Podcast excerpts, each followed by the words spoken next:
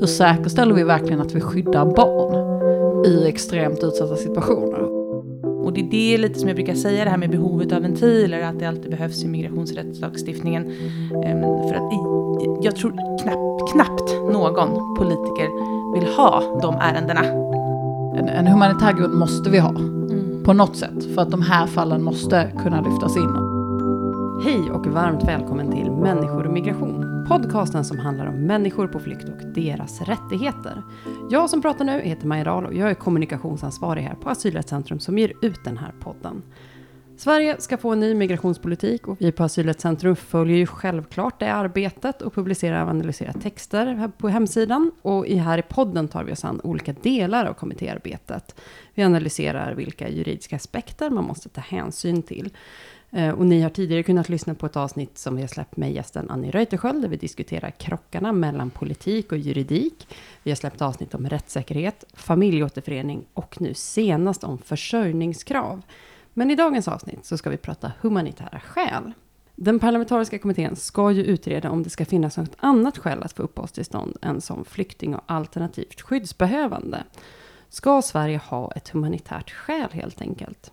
Vilka ska omfattas av det och varför behövs det? Ja, nu väntas ett, väntar ett samtal om ventiler, sjuka barn och orimliga situationer som staten vill undvika. Med mig för att diskutera det har jag som vanligt Asylrättscentrums chefsjurist Anna Lindblad. Välkommen! Tack så mycket! Och Sofia Rönnapesa som är jurist här på Asylrättscentrum och som har som uppdrag att hålla särskild koll på den parlamentariska utredningen. Välkommen! Tack, tack. Det är så härligt att ha er samlade här i mitt kök. Verkligen. Det är väldigt skönt att komma ut ur huset. Ja, nu i dessa coronatider som vi sitter och spelar in så jobbar ju samtliga hemifrån. Så att vi, vår podcaststudio har fått flytta till mitt kök och därmed ljudkvaliteten har flyttat till mitt kök. Mm. Men det är mysigt. Det är väldigt mysigt. mysigt. Ja, och hör man någonting som gnager i bakgrunden så är det bara en liten hund som går runt här på golvet. Eh, men nu när ni förstår hur vi sitter så tänker jag att vi djupdyker i frågorna som vi ska diskutera idag. För den parlamentariska utredningen ska ju som jag sa titta på om det ska finnas mer sätt att få uppehållstillstånd i Sverige än som flykting eller alternativt skyddsbehövande. Och Anna, du pratar ju väldigt ofta om behovet av ventiler och att en humanitär grund är en sådan ventil. Vad menar du med det? Det jag menar är att eh, utöver då skyddsgrunderna så behövs det någon form av utrymme att bevilja uppehållstillstånd för humanitära skäl, och ömmande omständigheter. Och ur ett svenskt perspektiv så är det intressant att det var, på den tiden när jag började med det här, då var det den vanligaste grunden som man fick uppehållstillstånd på. Humanitära skäl hette det i den utlänningslagen. Och sen kom ut nya utlänningslagen 2006 och då ändrade man Eh, så att det krävdes synnerligen ömmande omständigheter och för barn så kunde skälen vara mer generösa. Ehm, så det är så som regleringen har, har sett ut. Och, och, det är alltså en form av ventil då, alltså en undantagsbestämmelse som, man, som kommer in i sista hand. Så först tittar man på alla andra grunder. Eh, finns det inte grund för uppehållstillstånd ska man titta ifall det ändå finns ömmande omständigheter. Och det man från lagstiftarens sida har velat komma åt det är ju precis orimliga situationer. Eh, svårt sjuka personer som inte kan få vård i sitt hemland. Personer som har eh, vistats jättelänge i Sverige. Men det är också ett sätt eh, för lagstiftaren att undvika att man hamnar i, i situationer som strider mot våra konventioner som vi är bundna av. Och praxis från Europadomstolen och FNs kommittéer. Så det är som ett humanitärt fönster kan man säga. Det är intressant att du nämner det här med att eh, Sverige tidigare kanske använde det ganska frekvent. För att jag tror att den här grunden finns ju i väldigt många europeiska länder. Och det varierar också i vilken utsträckning man eh, använder sig av den. Eh, det var ju en period då Italien också använde den här jättemycket minns jag. Jag vet inte hur det ser ut idag. Men, men det är klart att det är en ganska naturlig del av väldigt många rättsordningar. Att ha den här ventilen mm. för eh, situationer som, där det har gått riktigt illa. Um, och den sammantagna, eller den liksom, bedömningen av den om man tittar på alla olika faktorer mm. gör att man inser att det, det, skulle vara inhumant att utvisa den här personen. Um, Precis. Det är det som är utgångspunkten. Och som situationen då i Italien, menar, men det ska ju inte vara en slasktratt. Det ska ju inte vara, Precis. vi vet inte vad vi ska göra med det här ärendet, ja, humanitära skäl. Utan det ska ju vara just den där eh, möjligheten att fånga upp personer som ska ha ett uppehållstillstånd, men som inte kan få det på någon annan grund. Mm. Och utgångspunkten i, i Sverige har ju varit, alltså om man tittar på den beskrivningen som finns i femte kapitlet, eh, sjätte paragrafen, utlänningslagen, eh, så har det ju handlat om en, att man har gjort en samlad bedömning av eh, personens hälsotillstånd, situationen i hemlandet, man har tittat på anknytningen till Sverige. Är det något Ja, jag glömmer nu? Nej. Nej. Utan man har då uttryckt att de här tre sakerna kan vara exempel på synnerligen ömmande omständigheter och så ska det, man göra en sammantagen bedömning. Precis, och där, där kan ju andra saker komma in så att Ja. säga som inte finns med de här tre punkterna. Men det ger lite exempel om vilken typ av situationer man särskilt värnar om i och med den här bestämmelsen. Och det man såg det var ju att eh, när skrivningen då att för barn behöver inte skälen vara lika Eh, starka, det blev inte så bra i praxis. Eh, den här bestämmelsen blev för hård för, för barnen, så 2014 så ändrade man bestämmelsen och sa att för barn så räcker det med särskilt ömmande omständigheter. Ja, men ska vi säga det lite förtydligande så att utlänningslagen, jag tänker att vi ska säga för att vi inte förvirrar, så att i utlänningslagen som är alltså den eh, liksom, grunden för vår migrationslag som då gällde 2015 däromkring, i den så finns det då en, en paragraf som säger att om du har de här, eh, om du vid en samlad bedömning, det skulle i princip vara inhumant att utvisa dig, så kan du få uppehållstillstånd. 2014 så la man då till, precis som Anna säger, en, en eh, liten, eh, ett litet undantag för barn som där man säger att så här, det behöver inte vara lika allvarligt som för vuxna för att du ska kunna få stanna på den här grunden. Eh, och man gjorde det mycket med beaktande av de principerna som följer av barnkonventionen kopplade till då idén om att barn måste skyddas särskilt. Eh, I och med den tillfälliga lagen så eh, strök man eh, egentligen den här paragrafen och man sa att eh, du kan bara få uppehållstillstånd i en sån här sammantagen bedömning i sådana fall då det skulle strida mot våra eh, svenska konventionsåtaganden. I huvudsak då EU eller Europarätt så att säga. Eh, och nu som vi står här idag är ju frågan, ska vi gå tillbaka till utlänningslagen, ska vi ha det som i tillfälliga lagen eller ska vi göra något helt nytt? Mm.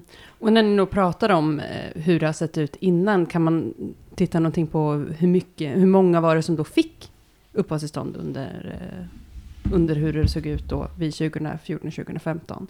Om vi går tillbaka till 2015 och tittar på den bestämmelse som användes då, som ju var det här att man skulle göra en sammantagen bedömning och inte utvisa i sådana fall där det var en väldigt humanitär svår situation. Då ser vi ju att folk fick uppehållstillstånd på den här grunden i ungefär, ja men det var ungefär 1300 personer som fick på det här, av totalt 32 000. Eh, och av de som var den absoluta majoriteten barn, eh, det var ja, men, nästan 400 personer som eh, eh, Ehm, var vuxna som fick uppehållstillstånd på den här grunden. I övrigt så var det då barn i familj eller ensamkommande barn. Så att det här är ju verkligen, det här har ju verkligen varit en, en, ehm, en barnparagraf på det sättet. Och jag tror att en sak som är jätteviktig att tänka på när man pratar om siffrorna kring ehm, den humanitära grunden och som också är väldigt viktigt att, att tänka på är att så här, det här är, uppfattar många, en väldigt, väldigt viktig grund.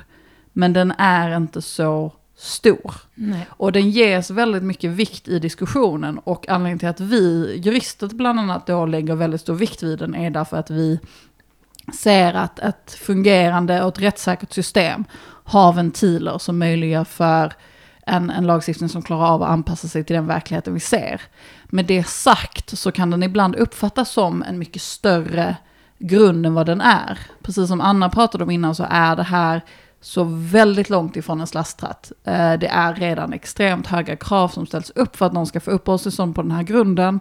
Ehm, och redan nu så ska man ha varit väldigt, väldigt utsatt. Och som sagt, i väldigt stora delar handlar det om barn i väldigt svåra eh, humanitära situationer. Och jag tror att det här måste vi hela tiden ha med oss när vi pratar om den här. För jag kan förstå att det kan ibland framstå som en, en slasktratt. Och då görs det lite en otjänst i när man pratar om den. För att det är inte riktigt det som den är till för eller vad den används för. Precis, och på juridiska så är ju då ordet synnerligen, det är det som lagstiftaren använder när det verkligen signalerar undantagsfall.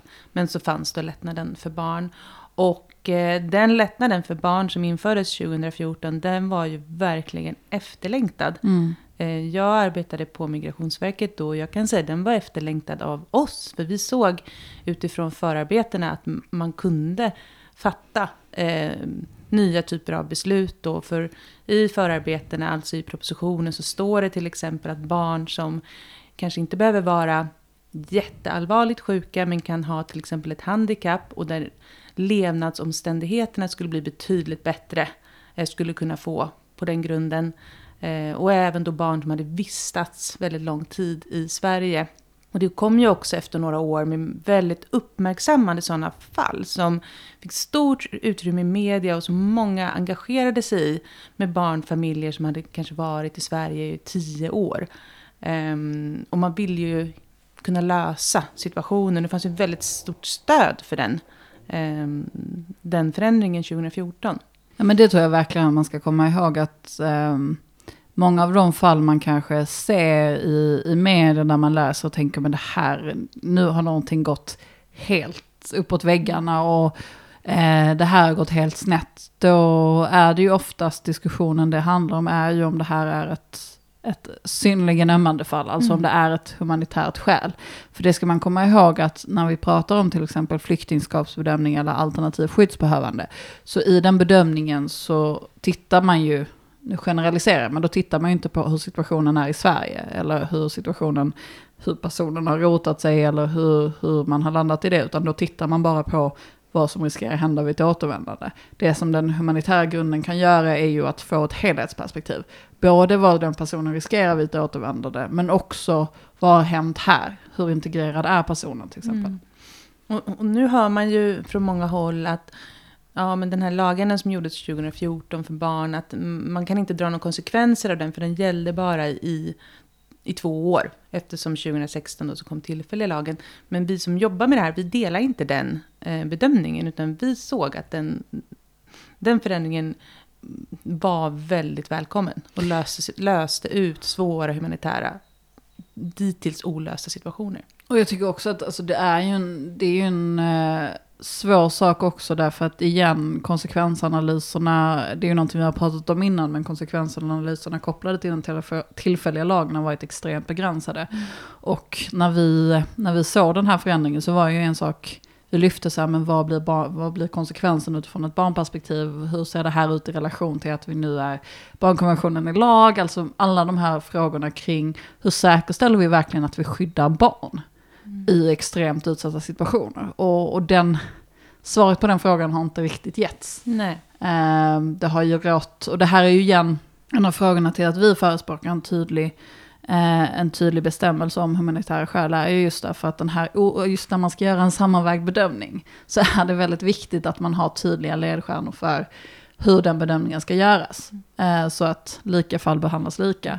Um, och det där, det där blir ju väldigt svårt mm. om man inte har en bestämmelse eller om man har en bestämmelse som är alldeles för vag. Ja, som du, ja. den i tillfälliga lagen. Men det är en jättebra koppling där till barnkonventionen. För att eh, just i situationer, då, svåra situationer för barn, då tittar man på den här bestämmelsen och så ska man också ta hänsyn till barnkonventionen. Mm. Och det är ofta där som barnkonventionen kan komma in och hjälpa till kanske då så att det blir ett mm. uppehållstillstånd. För barnkonventionen i sig eller barnrättslagen som det heter, ger ju inga uppehållstillstånd. Så därför är det ju så oerhört intressant att se nu, kopplat till den parlamentariska utredningen, hur kommer man ta in barnkonventionen? Eh, den har gällt, Sverige har varit bundna av, av den sedan tidigare, men det är svensk lag från 1 januari. Hur kommer man, eller kommer man, ta in det i den här bedömningen när man ska utforma en humanitär grund? Mm, och jag tänker att vi kanske ska ta det du sa nu och liksom fortsätta med det. Alltså, vad är det man kommer att eh, titta på nu när den humanitära grunden ska utformas? Hur skulle den kunna vara? Ja, eh, man kan ju gå tillbaka till hur det var förut. Antingen då eh, att man säger synnerligen ömmande omständigheter. Eh, möjligtvis också då eh, mindre allvarliga skäl när det gäller barn. Man kan ha kvar det som är idag, att eh, en utvisning inte får ske om det strider mot en konvention. Eller så kan man ju hitta på något helt nytt. Mm. så. Men det finns ju mycket praxis kring den här gamla bestämmelsen från Migrationsöverdomstolen. Så det kan ju finnas en poäng att gå tillbaka just för man, tänker jag, från kommitténs sida, att man går tillbaka för att man har hela den här praxis, alltså från Migrationsöverdomstolen, alla domar, all tolkning kring den. Eller vad tror du Sofia? Ja men det, det är både och, för det finns ju absolut en poäng i det. Samtidigt så skulle jag säga att de området kring humanitär skäl är också någonting som verkligen utvecklas på europeisk nivå eh, kontinuerligt. Och mm. där svensk praxis i viss mån blir gammal. Eh, ja. I relation till, vi har ju ett mål som eh, vi har fokuserat väldigt mycket på, eh, som heter Papashvili mot eh, Belgien, som eh, det var frågan om en, en svårt sjuk person där det var uppenbart att eh, vård inte fanns tillgänglig och att han skulle eh, dö om han återvände eftersom det inte fanns och man då bedömde att det skulle eh, vara, ja, det skulle innebära omänsklig behandling att, att utvisa honom till hemlandet. Eh, och det här är ju Europadomstolen så det är någonting som Sverige har en skyldighet att följa. Så att utifrån det så är det ju väldigt tydligt att en, en humanitär grund måste vi ha. Mm. På något sätt. För att de här fallen måste kunna lyftas in och kunna ges uppehållstillstånd. Eh, men frågan är då hur den ska vara utformad. Eh, men, eh, och, och, som sagt, där vill jag ändå säga att så här, ja, det finns poäng i att gå tillbaka till den gamla beskrivningen. Men det är också viktigt att hålla i åtanke att det här är ett område som hela tiden utvecklas även internationellt. Och att det måste följa med in i, i bedömningen man gör. Tyvärr så skulle jag säga att just när det kommer till den här frågan så kan ibland praxissammanställningen av de internationella eh, domarna ibland halta lite. Mm. Referera till gammal praxis, referera, inte riktigt förstå hur man måste få in det här och hur man ska läsa de här eh, avgöranden. Och det, det är lite oroväckande för att om man vill ha en långsiktig politik, vilket är ju det man gör anspråk på att göra, då behöver man ha någonting som är i enlighet med Europakonventionen, annars så kommer det processas av några, exempelvis oss, eh, och se till så att det blir korrekt. Nu var ju du inne på det, men, men som en sak som jag har tänkt på, mm. som jag, som då, då inte är lika juridiskt bevandrad som övriga runt bordet här, eh, är ju att om man läser om de humanitära skälen i direktiven så står det så här. Kommittén ska ta ställning till om asylsökande ska kunna beviljas uppehållstillstånd på ytterligare grunder än det som följer av EU-rätten och svenska konventionsåtaganden. Och i så fall vilka dessa grunder bör vara. Kommittén ska därvid särskilt ta ställning till om en ny humanitär grund för uppehållstillstånd ska införas. Alltså det mm. säger alltså utöver mm. EU-rätten och svenska konventionsåtaganden. Men det, det, du säger nu, ganska rakt ut Sofia, det är att vi måste ha en humanitär grund för att ens nå upp till eh, EU-rätten och svenska konventionsåtagande. Mm. Ja, men jag, jag är beredd att stå för det. eh, jag, jag tänker eh, hålla fast vid det. Och det, det, tycker jag man ser också med den tillfälliga lagen. Jag menar, i och med den tillfälliga valningen så var ju samtalet att man liksom egentligen skulle helt ta bort en humanitär grund. Och det det landade i var en skrivning som sa att uppehållstillstånd fortfarande kan ges om det skulle vara i strid med Europakonventionen. Och där har vi ju sett ärenden där man säger att det skulle vara i strid med Europakonventionen. Eh, och det där kommer det fortsätta vara. Så att den här, alltså problemet är ju med, jag pratar mycket om, om Europadomstolen, men det är ju för att eh, de själva artiklarna i Europakonventionen säger inte så mycket. Utan man måste liksom gå in i domstolspraxis och förstå vad som gäller. Och det gör att man ibland kanske inte uppfattar att det finns hårda regler att följa som är betydligt mer snäva än vad den liksom allmängiltiga artikeln säger om att vi måste skydda människor och de har rätt till liv och så vidare. Men, men det man kan se i praxis är ju uppenbart att så här, Sverige har skyldigheter i vissa fall som inte är kopplade till skyddsbehov. I vissa fall så kan inte Sverige utvisa en person mm. som är i en extrem humanitär situation. Och då är ju frågan, eh, som är en diskussion vi har haft jättemycket med eh, i relation till den tillfälliga lagen. Ska det här vara en liksom, allmän bestämmelse eh, som bara säger att vi ska ehm, in, inte få bryta mot Europakonventionen. Eller ska vi faktiskt ha en tydlig svensk reglering som klargör vem som faller in och vem som faller utanför. Och en sak som vi har lyft väldigt mycket i gällande den här frågan är just att så här, vill man ha ett rättssäkert system så vill man ha en svensk reglering som förklarar hur det i svensk situation ska se ut. Därför att det som händer när vi har Eh, och det här är lite av en liksom, käpphäst, men liksom det som händer när vi har en så allmängiltig beskrivning som till exempel, det får inte vara i strid med ett svenskt konventionsåtagande, det är att vi ser att bedömningarna varierar väldigt mycket och att det blir liksom enskilda handläggare hos Migrationsverket som helt plötsligt måste gå in och försöka förstå och tolka Europakonventionen på en nivå som är orimlig. Det är inte deras ansvar, utan det är Sverige som har ansvaret att säkerställa att vi följer våra internationella åtaganden och det ska tydliggöras i lag. Mm. Ja, precis. Och, och, och, och, andra konventioner. Ja, ja. gud, jag är mm. väldigt... Mm. ja, det är liksom lite min, om man får säga det, att det är verkligen min favoritkonvention. Så ja. det är därför jag oftast liksom lyfter den. Ja. Så. Jag kommer in här som, som lagrådet, inga jämförelser i övrigt, men lagrådet har ju faktiskt tryckt på flera gånger att, att det är också FNs övervakningskommittéer och den praxisen som vi måste titta på. Men jag tänkte bara backa lite till din fråga där, eh, Maja, eh, om direktiven. Jag läser det som att då man ska se för asylsökande, då tänker man på personer som söker skydd. Man tänker inte på att man kan söka andra grunder. Man kan ju få uppehållstillstånd som arbetstagare till exempel. Och då ska man se ifall det ska finnas några andra grunder än skyddsgrunderna då som följer av den europeiska rätten. Och där kommer ju den här gruppen övriga skyddsbehövande in som vi har haft i svensk rätt. Man ska titta på, då tolkar jag det som att om de ska om den bestämmelsen ska finnas kvar. Och sen ska, ska man titta då på humanitära skäl. Och det är därför det här blir egentligen en fråga om humanitära skäl. Mm. Men så som jag eh, läser den och så som man hör debatten kring den så låter det ju som att det här är, nu ska Sverige gå in och vara snälla. Att det här är ingenting ja. vi måste. Ja, det, den, den bilden delar inte jag. Uh, det, är klart att, så här, det är klart att det kan finnas ärenden som Sverige skulle bedöma som, som inte då skulle falla in under Europa eh, konventionen eller, eller andra konventioner.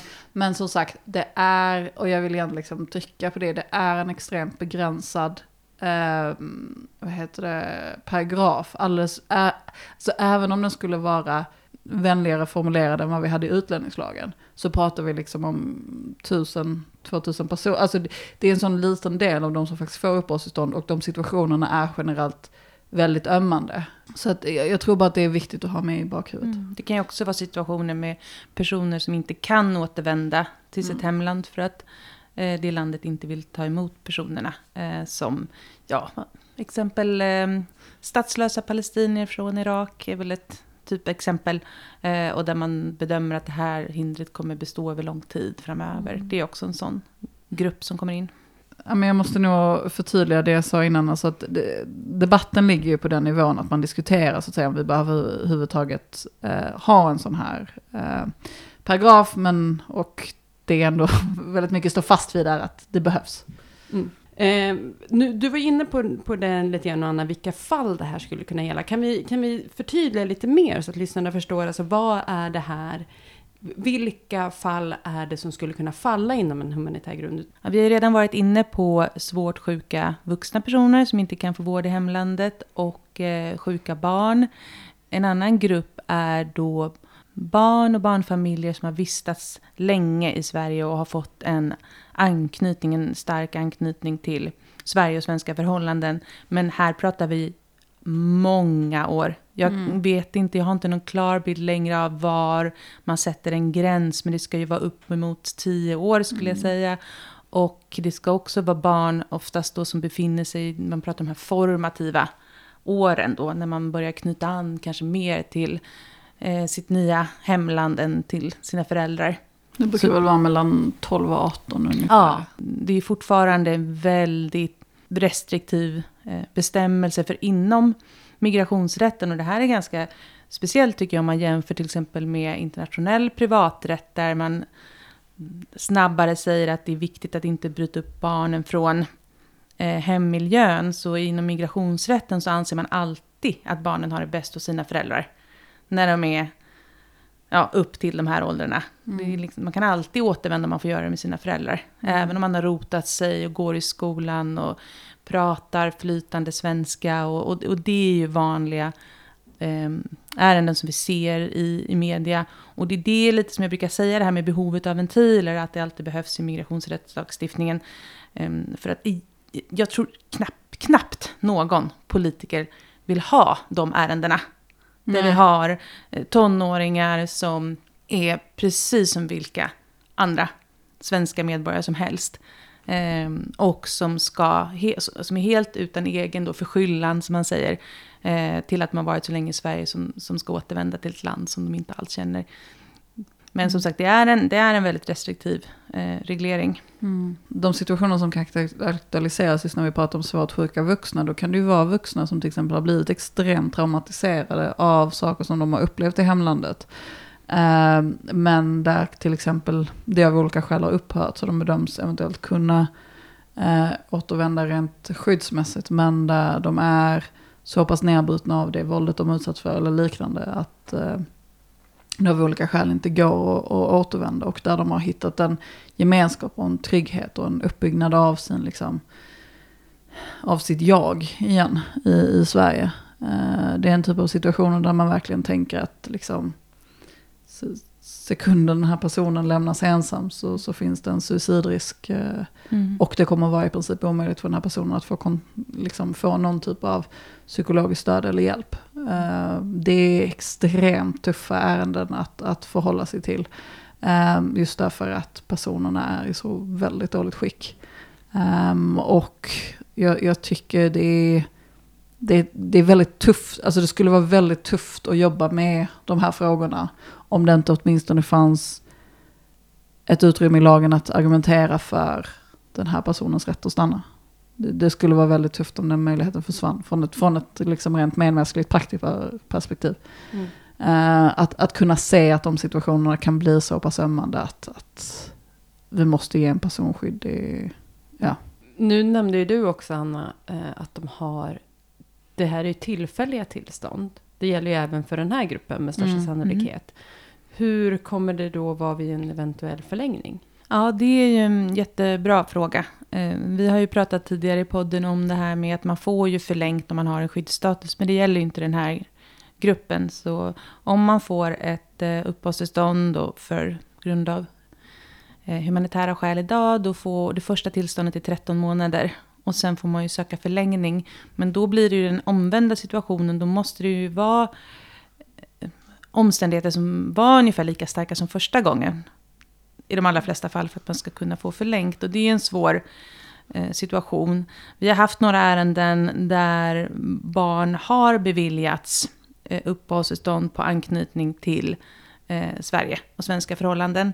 Och då har de beviljats eh, 13 månader och sen efter 13 månader så måste de söka förlängning. Det har varit långa handläggningstider. Eh, under den perioden som man är under en handläggningstid så får man ju inte till exempel lämna landet för att åka med sitt fotbollslag på en kupp eh, i Europa och så vidare. Och sen det nya tillståndet kommer, då ska de vara kant i kant. Alltså det ska alltid börja gälla när det gamla löpte ut. Så då blir det nya tillståndet också kort. Mm. Och så ska det förlängas. Men jag att- säga att absur- absurditeten i just det fallet är ju just så här att om man har fått uppehållstillstånd på grund av anknytning till Sverige så kommer ju den anknytning bara stärkas ju längre tid man är i Sverige. Mm. Och det är därför det blir så liksom, absurt att det blir tillfälliga tillstånd i det, i det fallet. Precis. Men de tillstånden är ju ändå säkrare Mm. än de Ja, som ja, får, eller betydligt mer säkra än de som Ja. får på till exempel ohälsa. Nej men det är ju en väldigt, det är ju också extremt tufft med när det kommer till att det är korta tillstånd när vi pratar om sjukdomstillstånd. Därför att om du börjar må bättre så är också risken att du utvisas. Absolut. högre. Och det är ju en, också en väldigt... Eh, ja, men det blir väldigt konstigt, framförallt när vi pratar om psykisk ohälsa. Alltså om en Mm. person som är, har en liksom allvarlig, allvarlig suicidrisk.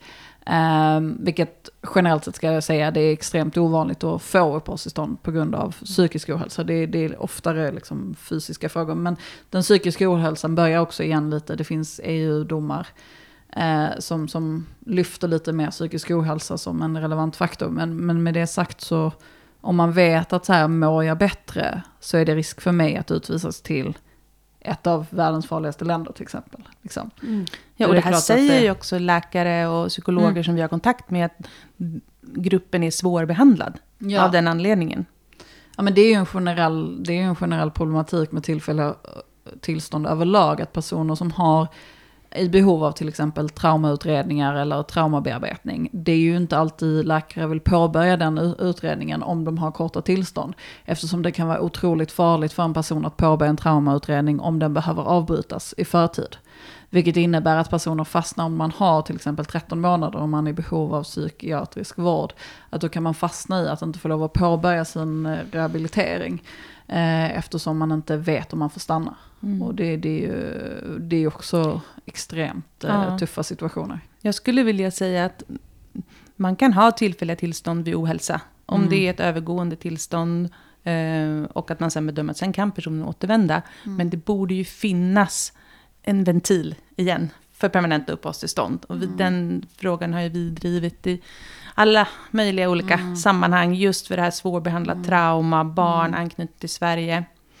Eh, kommer det bli någon sån mm. möjlighet i eh, framtida migrationspolitiken? Vad ja. tror du? Ja, jag vågar inte gissa. väl eh, förvåna mig lite tyvärr. Ja.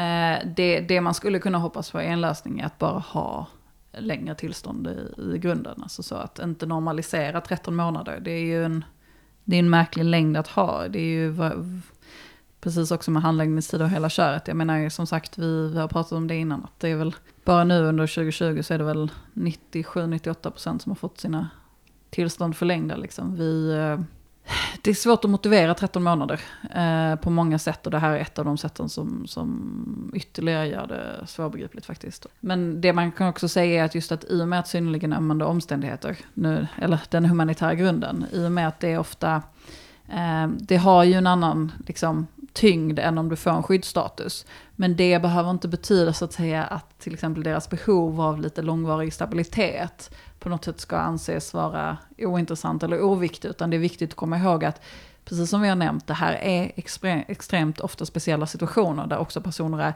extremt utsatta. Eh, och det är också viktigt att komma ihåg när man liksom tittar på vilka rättigheter som ska kopplas här. Eh, för oss så ser vi ju att i vissa fall så är det här personer som kommer få långvariga eh, uppehållstillstånd, vilket gör att det är också aktuellt att fundera över rätten till familjeåterförening. Man ska inte glömma att det också är viktigt att få in det kopplat till om man får uppehållstillstånd på det här i vissa fall. Och just som jag nämnde, just längden på tillstånd och så vidare. Man måste verkligen förstå vilken grupp det här rör sig om.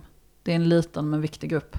Med den här något deppiga diskussionen så känner jag att det är dags att börja avrunda och därmed även plocka upp stämningen lite. Så låt oss avsluta det här samtalet som vi avslutar samtliga möten på kansliet. Inte samtliga möten, våra måndagsmöten avslutar vi så här. Mm. Eh, vad har ni för goda nyheter som vi kan ta med oss? Ja, det blev deppigt idag också. Ja, ja det, det brukar ju bli det. Mm. Uh, mm. Men det här är en sån otroligt viktig fråga. Ja, men det är verkligen det. Uh, jag tror att uh, jag har svårt att se en, en, en, så att säga, en just när vi tänker på vad som är liksom riktlinjerna i den här typen av politik, att man vill se en långsiktig, effektiv och human ja. eh, migrationspolitik, så är det svårt att se hur den här eh, grunden inte ska finnas med. God nyhet är ju att i alla fall, vi får ju se vad det landar i, men det verkar ju som i alla fall att den parlamentariska utredningen anser att den här ska finnas. Alltså någon typ av, alltså det, det verkar ju luta ditåt liksom. Mm. Så det, det, får väl ändå säga positivt att, att man ändå landar i att kanske ha en, en faktisk en svensk reglering kring det här som inte bara är kopplad till konventionsåtagande. Så det, det är faktiskt positivt. Ja. Och jag skulle vilja tillägga också, vi har ju fått väldigt mycket frågor om barnkonventionen och att den blir lag eh, och vad det kommer innebära för de här barnen. Och man kan inte liksom riktigt förstå det om man inte förstår det här som vi har pratat om mm. idag. Eh, god nyhet. Eh, jo, vi har skrivit en rapport om eh, Sverige och migrationsrätt. Och det har vi gjort för AIDA, som är ett, eh, ja, ett, ett europeisk databas med information där det ligger eh, landrapporter som publiceras årligen. Och vi har skrivit den för Sveriges räkning. Och den är klar nu det, det, är ett väldigt omfattande arbete att skriva en sån rapport. Eh, och det som är så bra med de här rapporterna det är ju att man kan gå in och jämföra hur det ser ut i olika länder. Hur ser det ut i Sverige jämfört med ja, Danmark, Tyskland. Så det är jätteviktigt. Mm. Så det, det är en Härlig bra nyhet. Där har man ju kväll, liksom, kvälls eller helgläsning. Ja, hela sommaren. Ja, hela sommaren, det är bara att unna sig. Den ligger på vår hemsida så det är bara att gå och tanka ner den. Mm. Eh, vi kanske till och med länkar till den i det här avsnittet. Men med det sagt, tusen tack för att ni tog er tid att prata humanitära skäl med mig. Eh, och tusen tack till dig som har lyssnat. Har du frågor eller kommentarer på dagens avsnitt så kan du som vanligt twittra det till oss på sveref-org eller till Sofia på Att RRP Sofia. eller till Anna på Rebecka understreck Anna toppen. Eller så kan du gå och skriva i kommentarsfältet på Människor och Migrations Facebook-sida. Sök på Människor och Migration på Facebook så hittar du oss där. Sådana här analyser och de här poddavsnitten kan ju vi göra för att vi i dagsläget har finansiering och att lägga tid på det här via Postkodstiftelsen och ett Europaprojekt som vi driver. Eh, för att vi ska kunna fortsätta jobba på det här sättet så behöver vi hitta fortsatt stöd för det här projektet tar ju slut nu. Eh, Så vill du som lyssnar stötta den här podden och stötta Asylrättscentrums arbete att kunna fortsätta jobba med analys och tillgängliggörande av det som sker inom migrationspolitiken så gör jättegärna det. Gå in på sveref.org så hittar du en länk till hur du kan stötta vårt arbete där.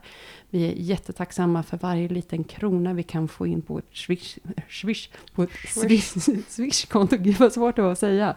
Ehm, Nästa avsnitt som vi ska släppa av den här podden, då ska vi verkligen hugga tag i någonting köttigt. Volymmål. Så håll i hatten och eh, nästa avsnitt, då bär det av. Tack för att du har lyssnat. Hej!